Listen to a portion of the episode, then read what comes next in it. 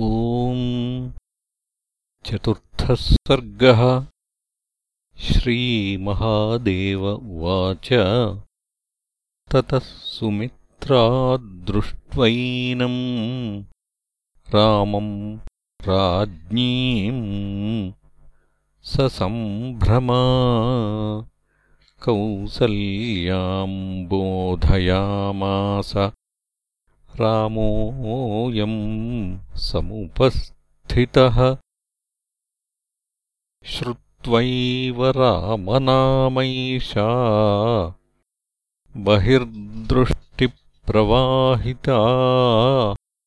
रामम् दृष्ट्वा विशालाक्षम् आलिङ्ग्याङ्केऽन्यवेशयत्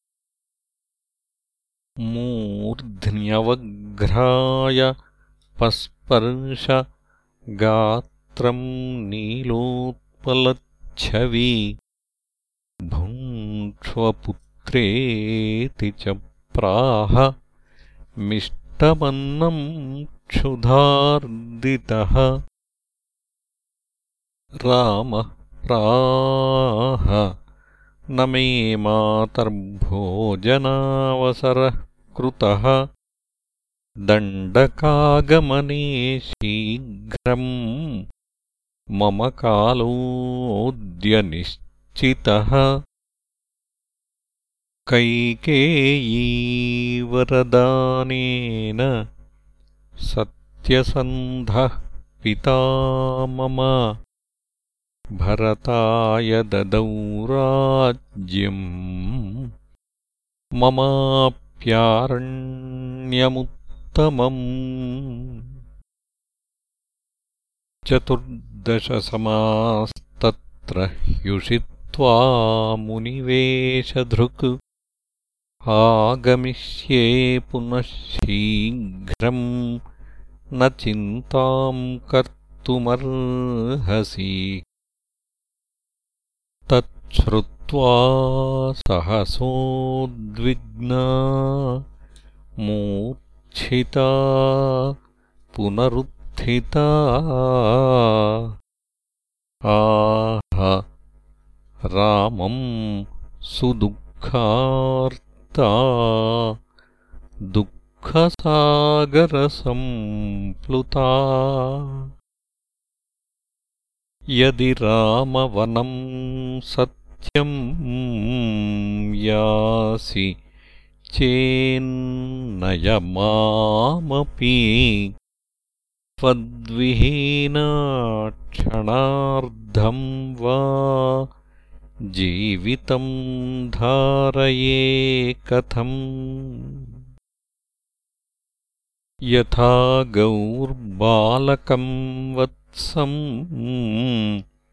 त्यक्त्वा तिष्ठेन्न कुत्रचित् तथैव त्वाम् न शक्नोमि।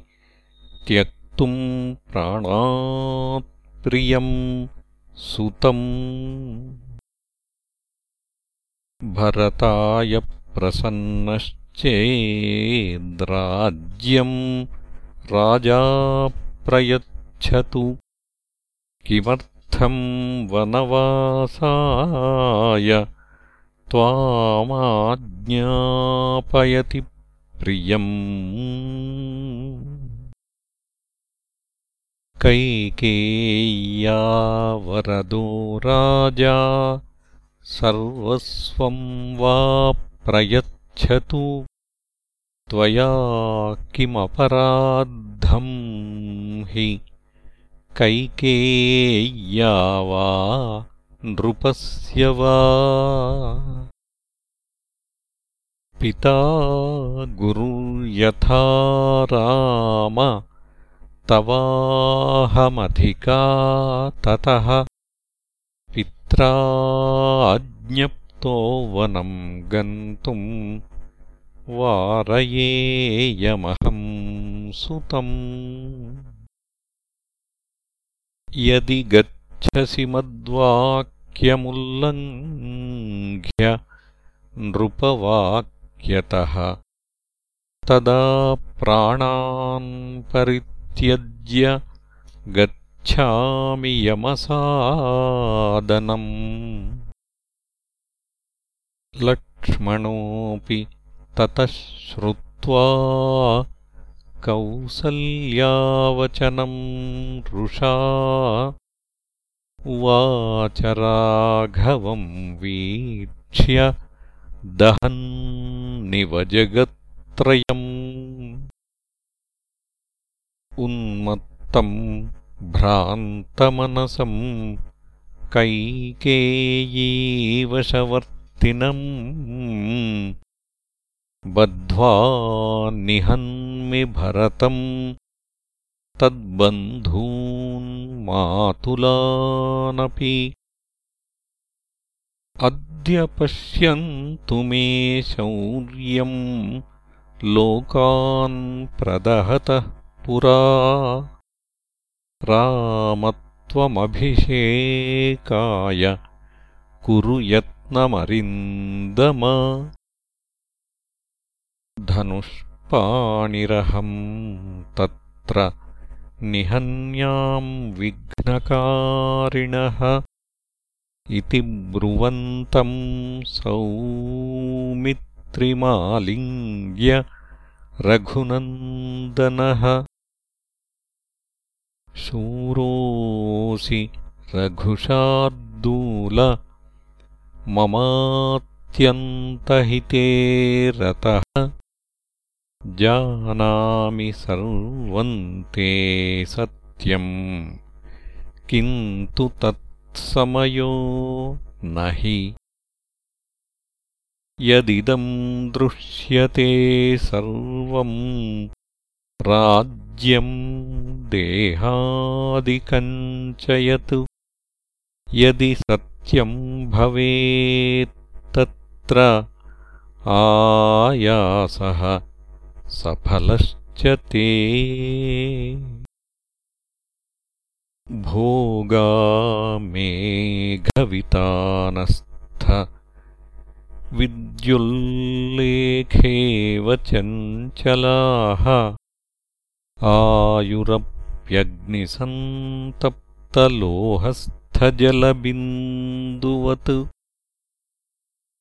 यथा व्यालगलस्थ ोऽपि भेको दंशानपेक्षते तथा कालाहिनाग्रस्तो लोको भोगानशाश्वतान्।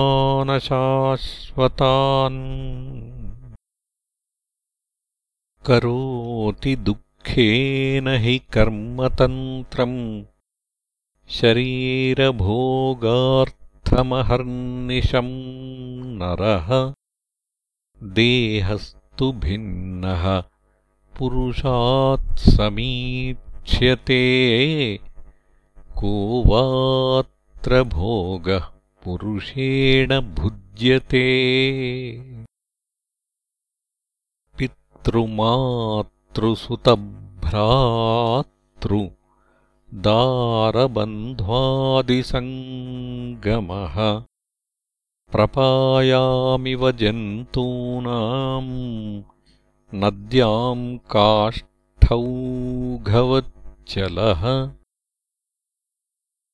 छायेव लक्ष्मीश्चपला प्रतीता तारुण्यमम्बूर्मिव ध्रुवम् च स्वप्नोपमम् स्त्रीसुखमायुरल्पम्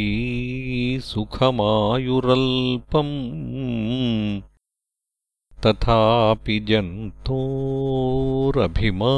एषः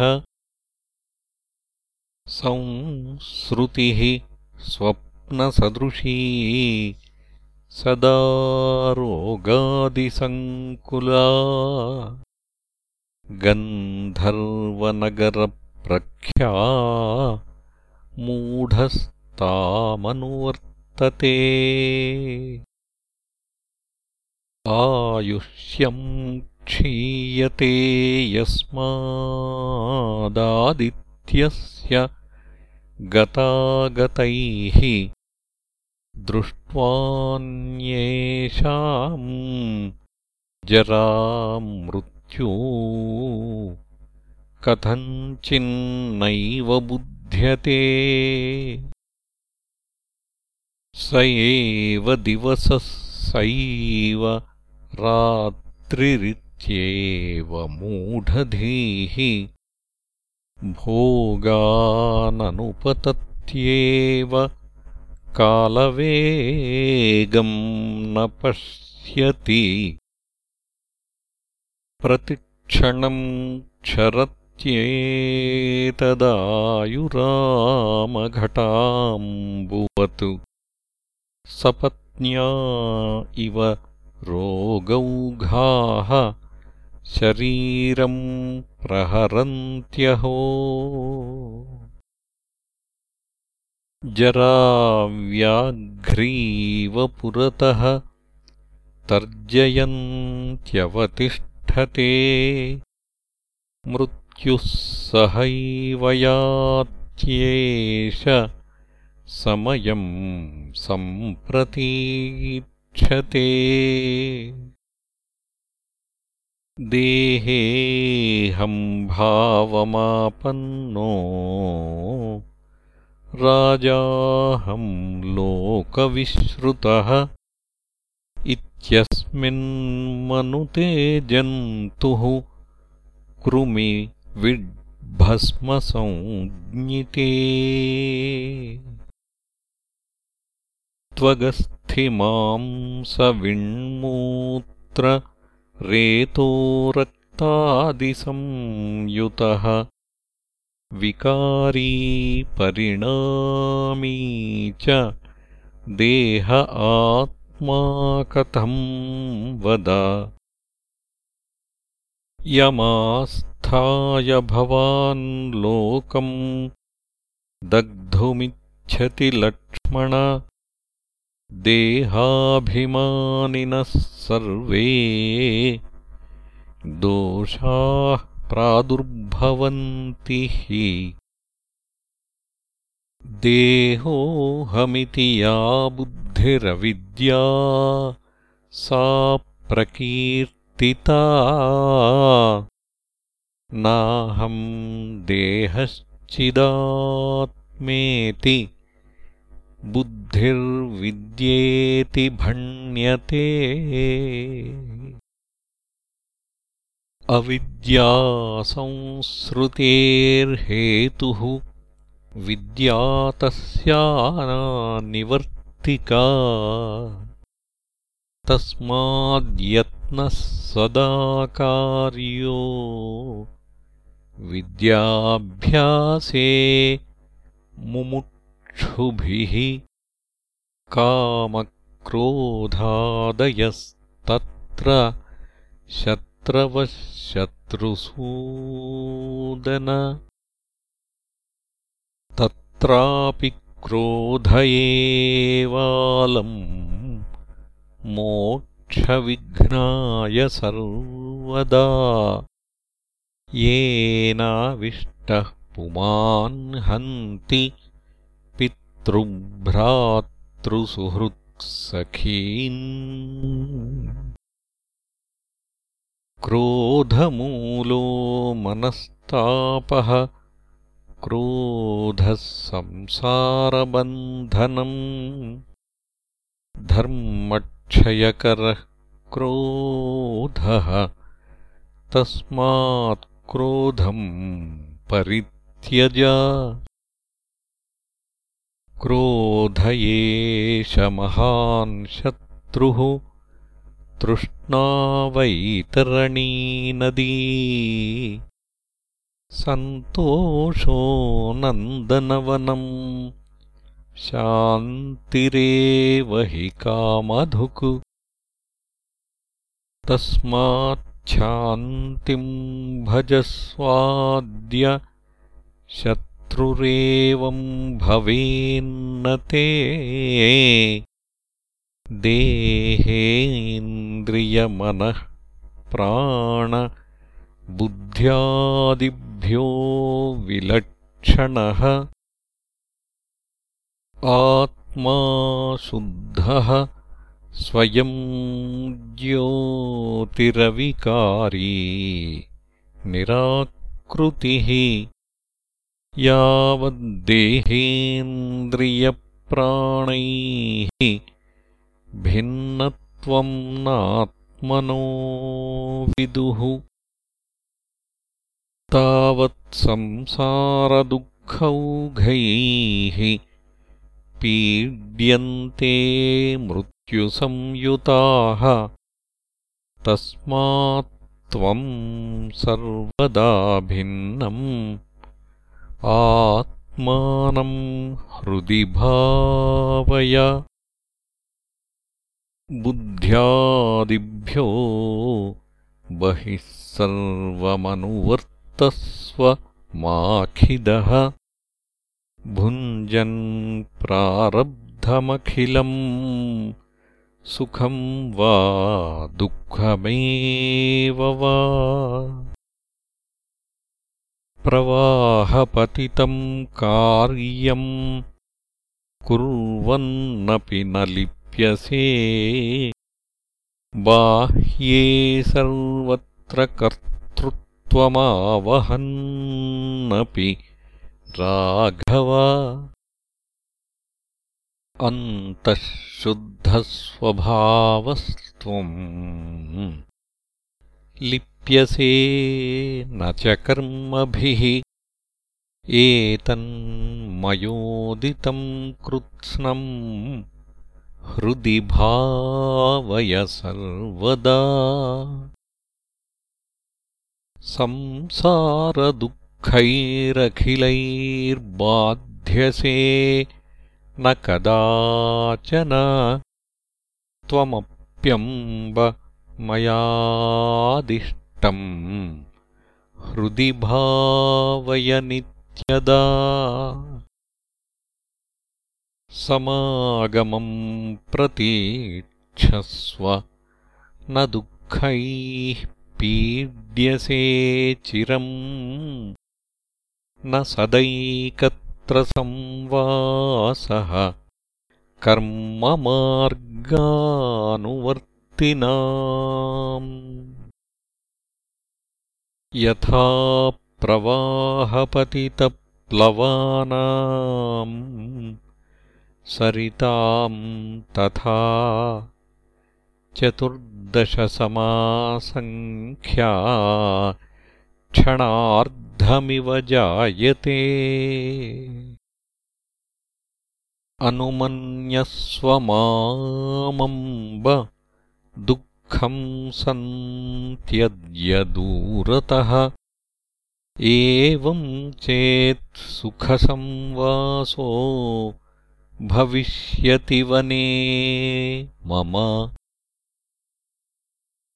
इत्युक्त्वा दण्डवन्मातुः पादयोरपतत् चिरम् उत्थाप्याङ्के समावेश्य आशीर्भिरभ्यनन्दयतु। सर्वे देवाः स गन्धर्वा ब्रह्मविष्णुशिवादयः रक्षन्तु त्वाम् सदा यान्तम् तिष्ठन्तम् निद्रयायुतम्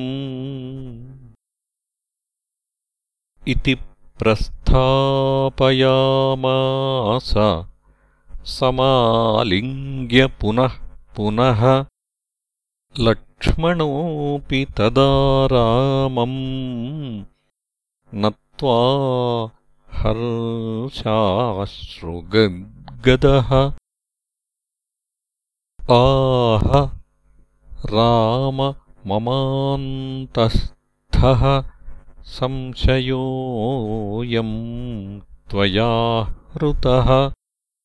यास्यामि पृष्ठतो राम सेवाम् कर्तुम् तदादिश।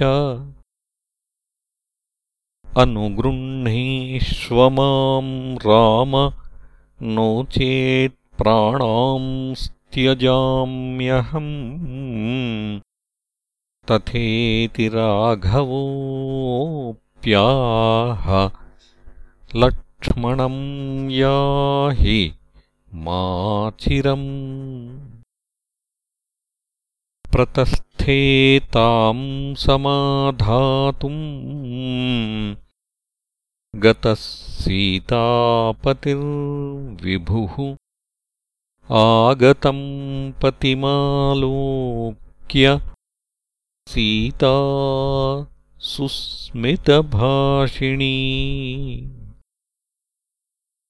स्वर्णपात्रस्थसलिलैः पादौ प्रक्षाल्यभक्तितः पप्रच्छपतिमालोक्य देव किं सेनया विना? आगतोऽसि गतः कुत्र श्वेतच्छत्रम् च ते कुतः? वादित्राणि न वाद्यन्ते किरीटादिविवर्जितः सामन्तराजसहितः सम्भ्रमान्नागतोऽसि किम्? इति स्म सीतया पृष्टो रामः सस्मितमब्रवीत्। राज्ञा मे दण्डकारण्ये राज्यम् दत्तम् शुभेऽखिलम् अतस्तत्पालनार्थाय शीघ्रम् यास्यामि भामिनी। अद्यैव यास्यामि वनम् त्वम् तु श्वश्रूसमीपगा शुश्रूषाम् कुरु मे मातुः न मिथ्यावादिनो वयम्। इति ब्रुवन्तम् श्रीरामम् सीता भीता ब्रवीद्वचः किमर्थम् वनराज्यम् ते पित्रादत्तम् महात्मना। तामाह रामः कैकेय्यै राजा प्रीतो वरम् ददौ। भरताय ददौ राज्यम् वनवासम् ममानघे चतुर्दशसमास्तत्र वासो मे किल याचितः। तया देव्या ददौ राजा सत्यवादी दयापरः।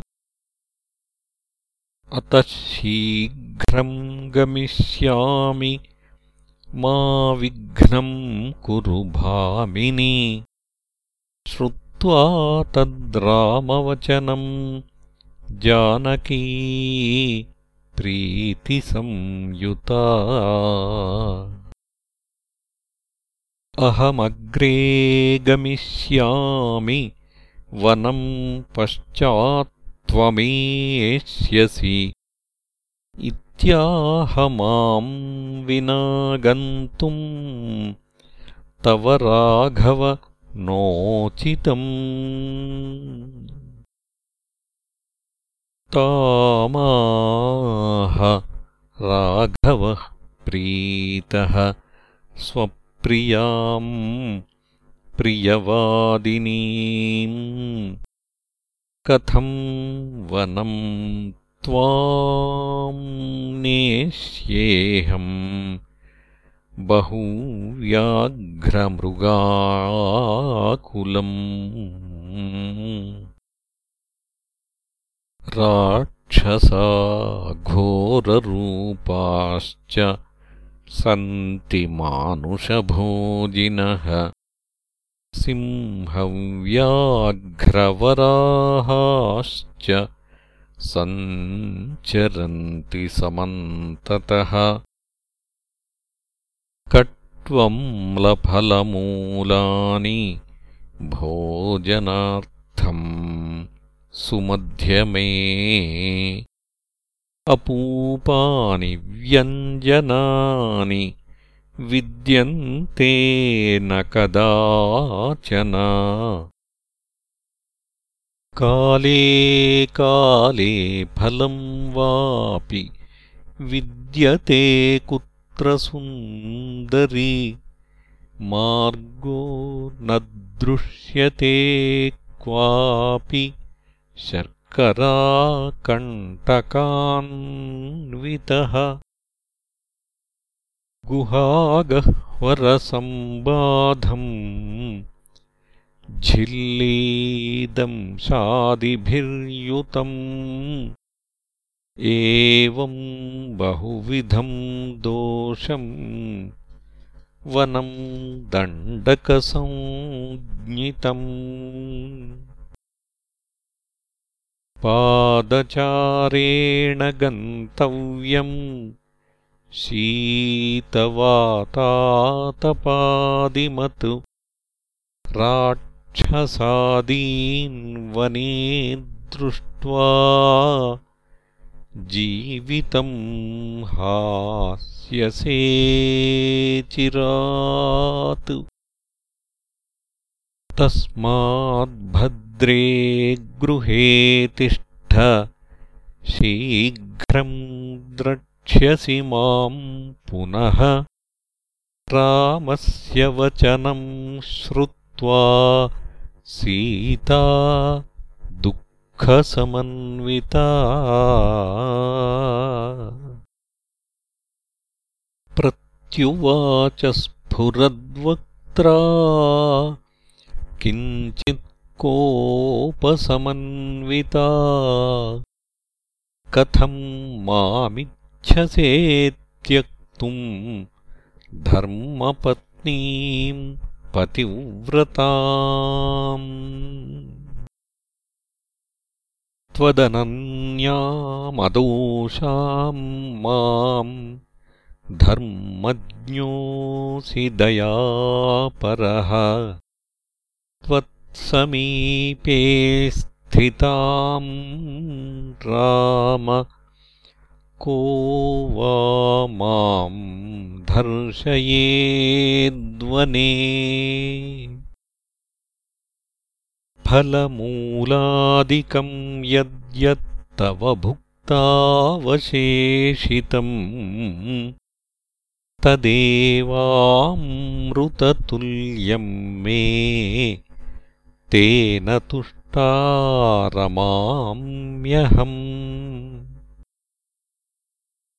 त्वया सहचरन्त्या मे कुशाः काशाश्च कण्टकाः पुष्पास्तरणतुल्या मे भविष्यन्ति न संशयः। अहं त्वा क्लेशयेनैव भवेयम्। कार्यसाधिनी बाल्ये मां वीक्ष्य कश्चिद्वै ज्योतिःशास्त्रविशारदः। प्राह ते विपिनेवासः पत्या सह भविष्यति। सत्यवादी द्विजो भूयाद्गमिष्यामि त्वया सह। अन्यत्किञ्चित् प्रवक्ष्यामि श्रुत्वा मां नयकाननम्। रामायणानि बहुशः श्रुतानि बहुभिर्द्विजै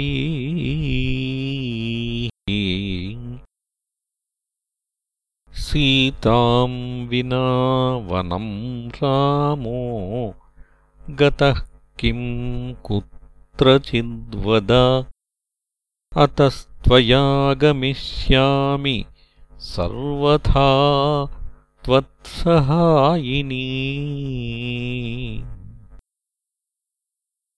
यदि गच्छसि माम् त्यक्त्वा प्राणांस्त्यक्ष्यामि तेऽग्रतः इति तम् निश्चयम् ज्ञात्वा सीताया रघुनन्दनः अब्रवीद्देवि गच्छ त्वम् वनं शीघ्रम् मया सह अरुन्धत्यै प्रयच्छाशु हारानाभरणानि च। ब्राह्मणेभ्यो धनम् सर्वम् दत्त्वा गच्छामहे वनम् इत्युक्त्वा लक्ष्मणेनाशु द्विजानाहूयभक्तितः ददौ गवाम् वृन्दशतम् धनानि वस्त्राणि दिव्यानि विभूषणानि। कुटुम्बवद्भ्यः श्रुतशीलवद्भ्यो मुदा द्विजेभ्यो रघुवंशकेतुः अरुन्धत्यै ददौ सीता मुख्यान्याभरणानि च रामो मातुः सेवकेभ्यो ददौ धनमनेकधा स्वकान्तःपुरवासिभ्यः सेवकेभ्यस्तथैव च पौरजानपदेभ्यश्च ब्राह्मणेभ्यः सहस्रशः। लक्ष्मणोऽपि सुमित्रान्तु कौसल्यायै समर्पयतु धनुष्पाणिः समागत्य रामस्याग्रे व्यवस्थितः। रामः सीता लक्ष्मणश्च जग्मुः सर्वे नृपालयम्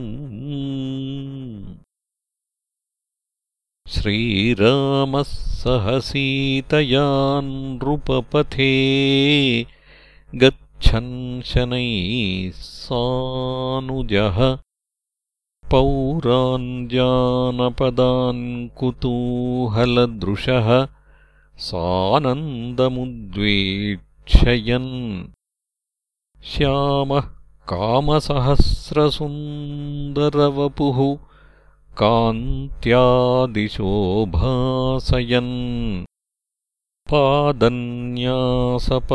पादन्यासपवित्रिताखिलजगत् प्रापालयम् तत्पितुः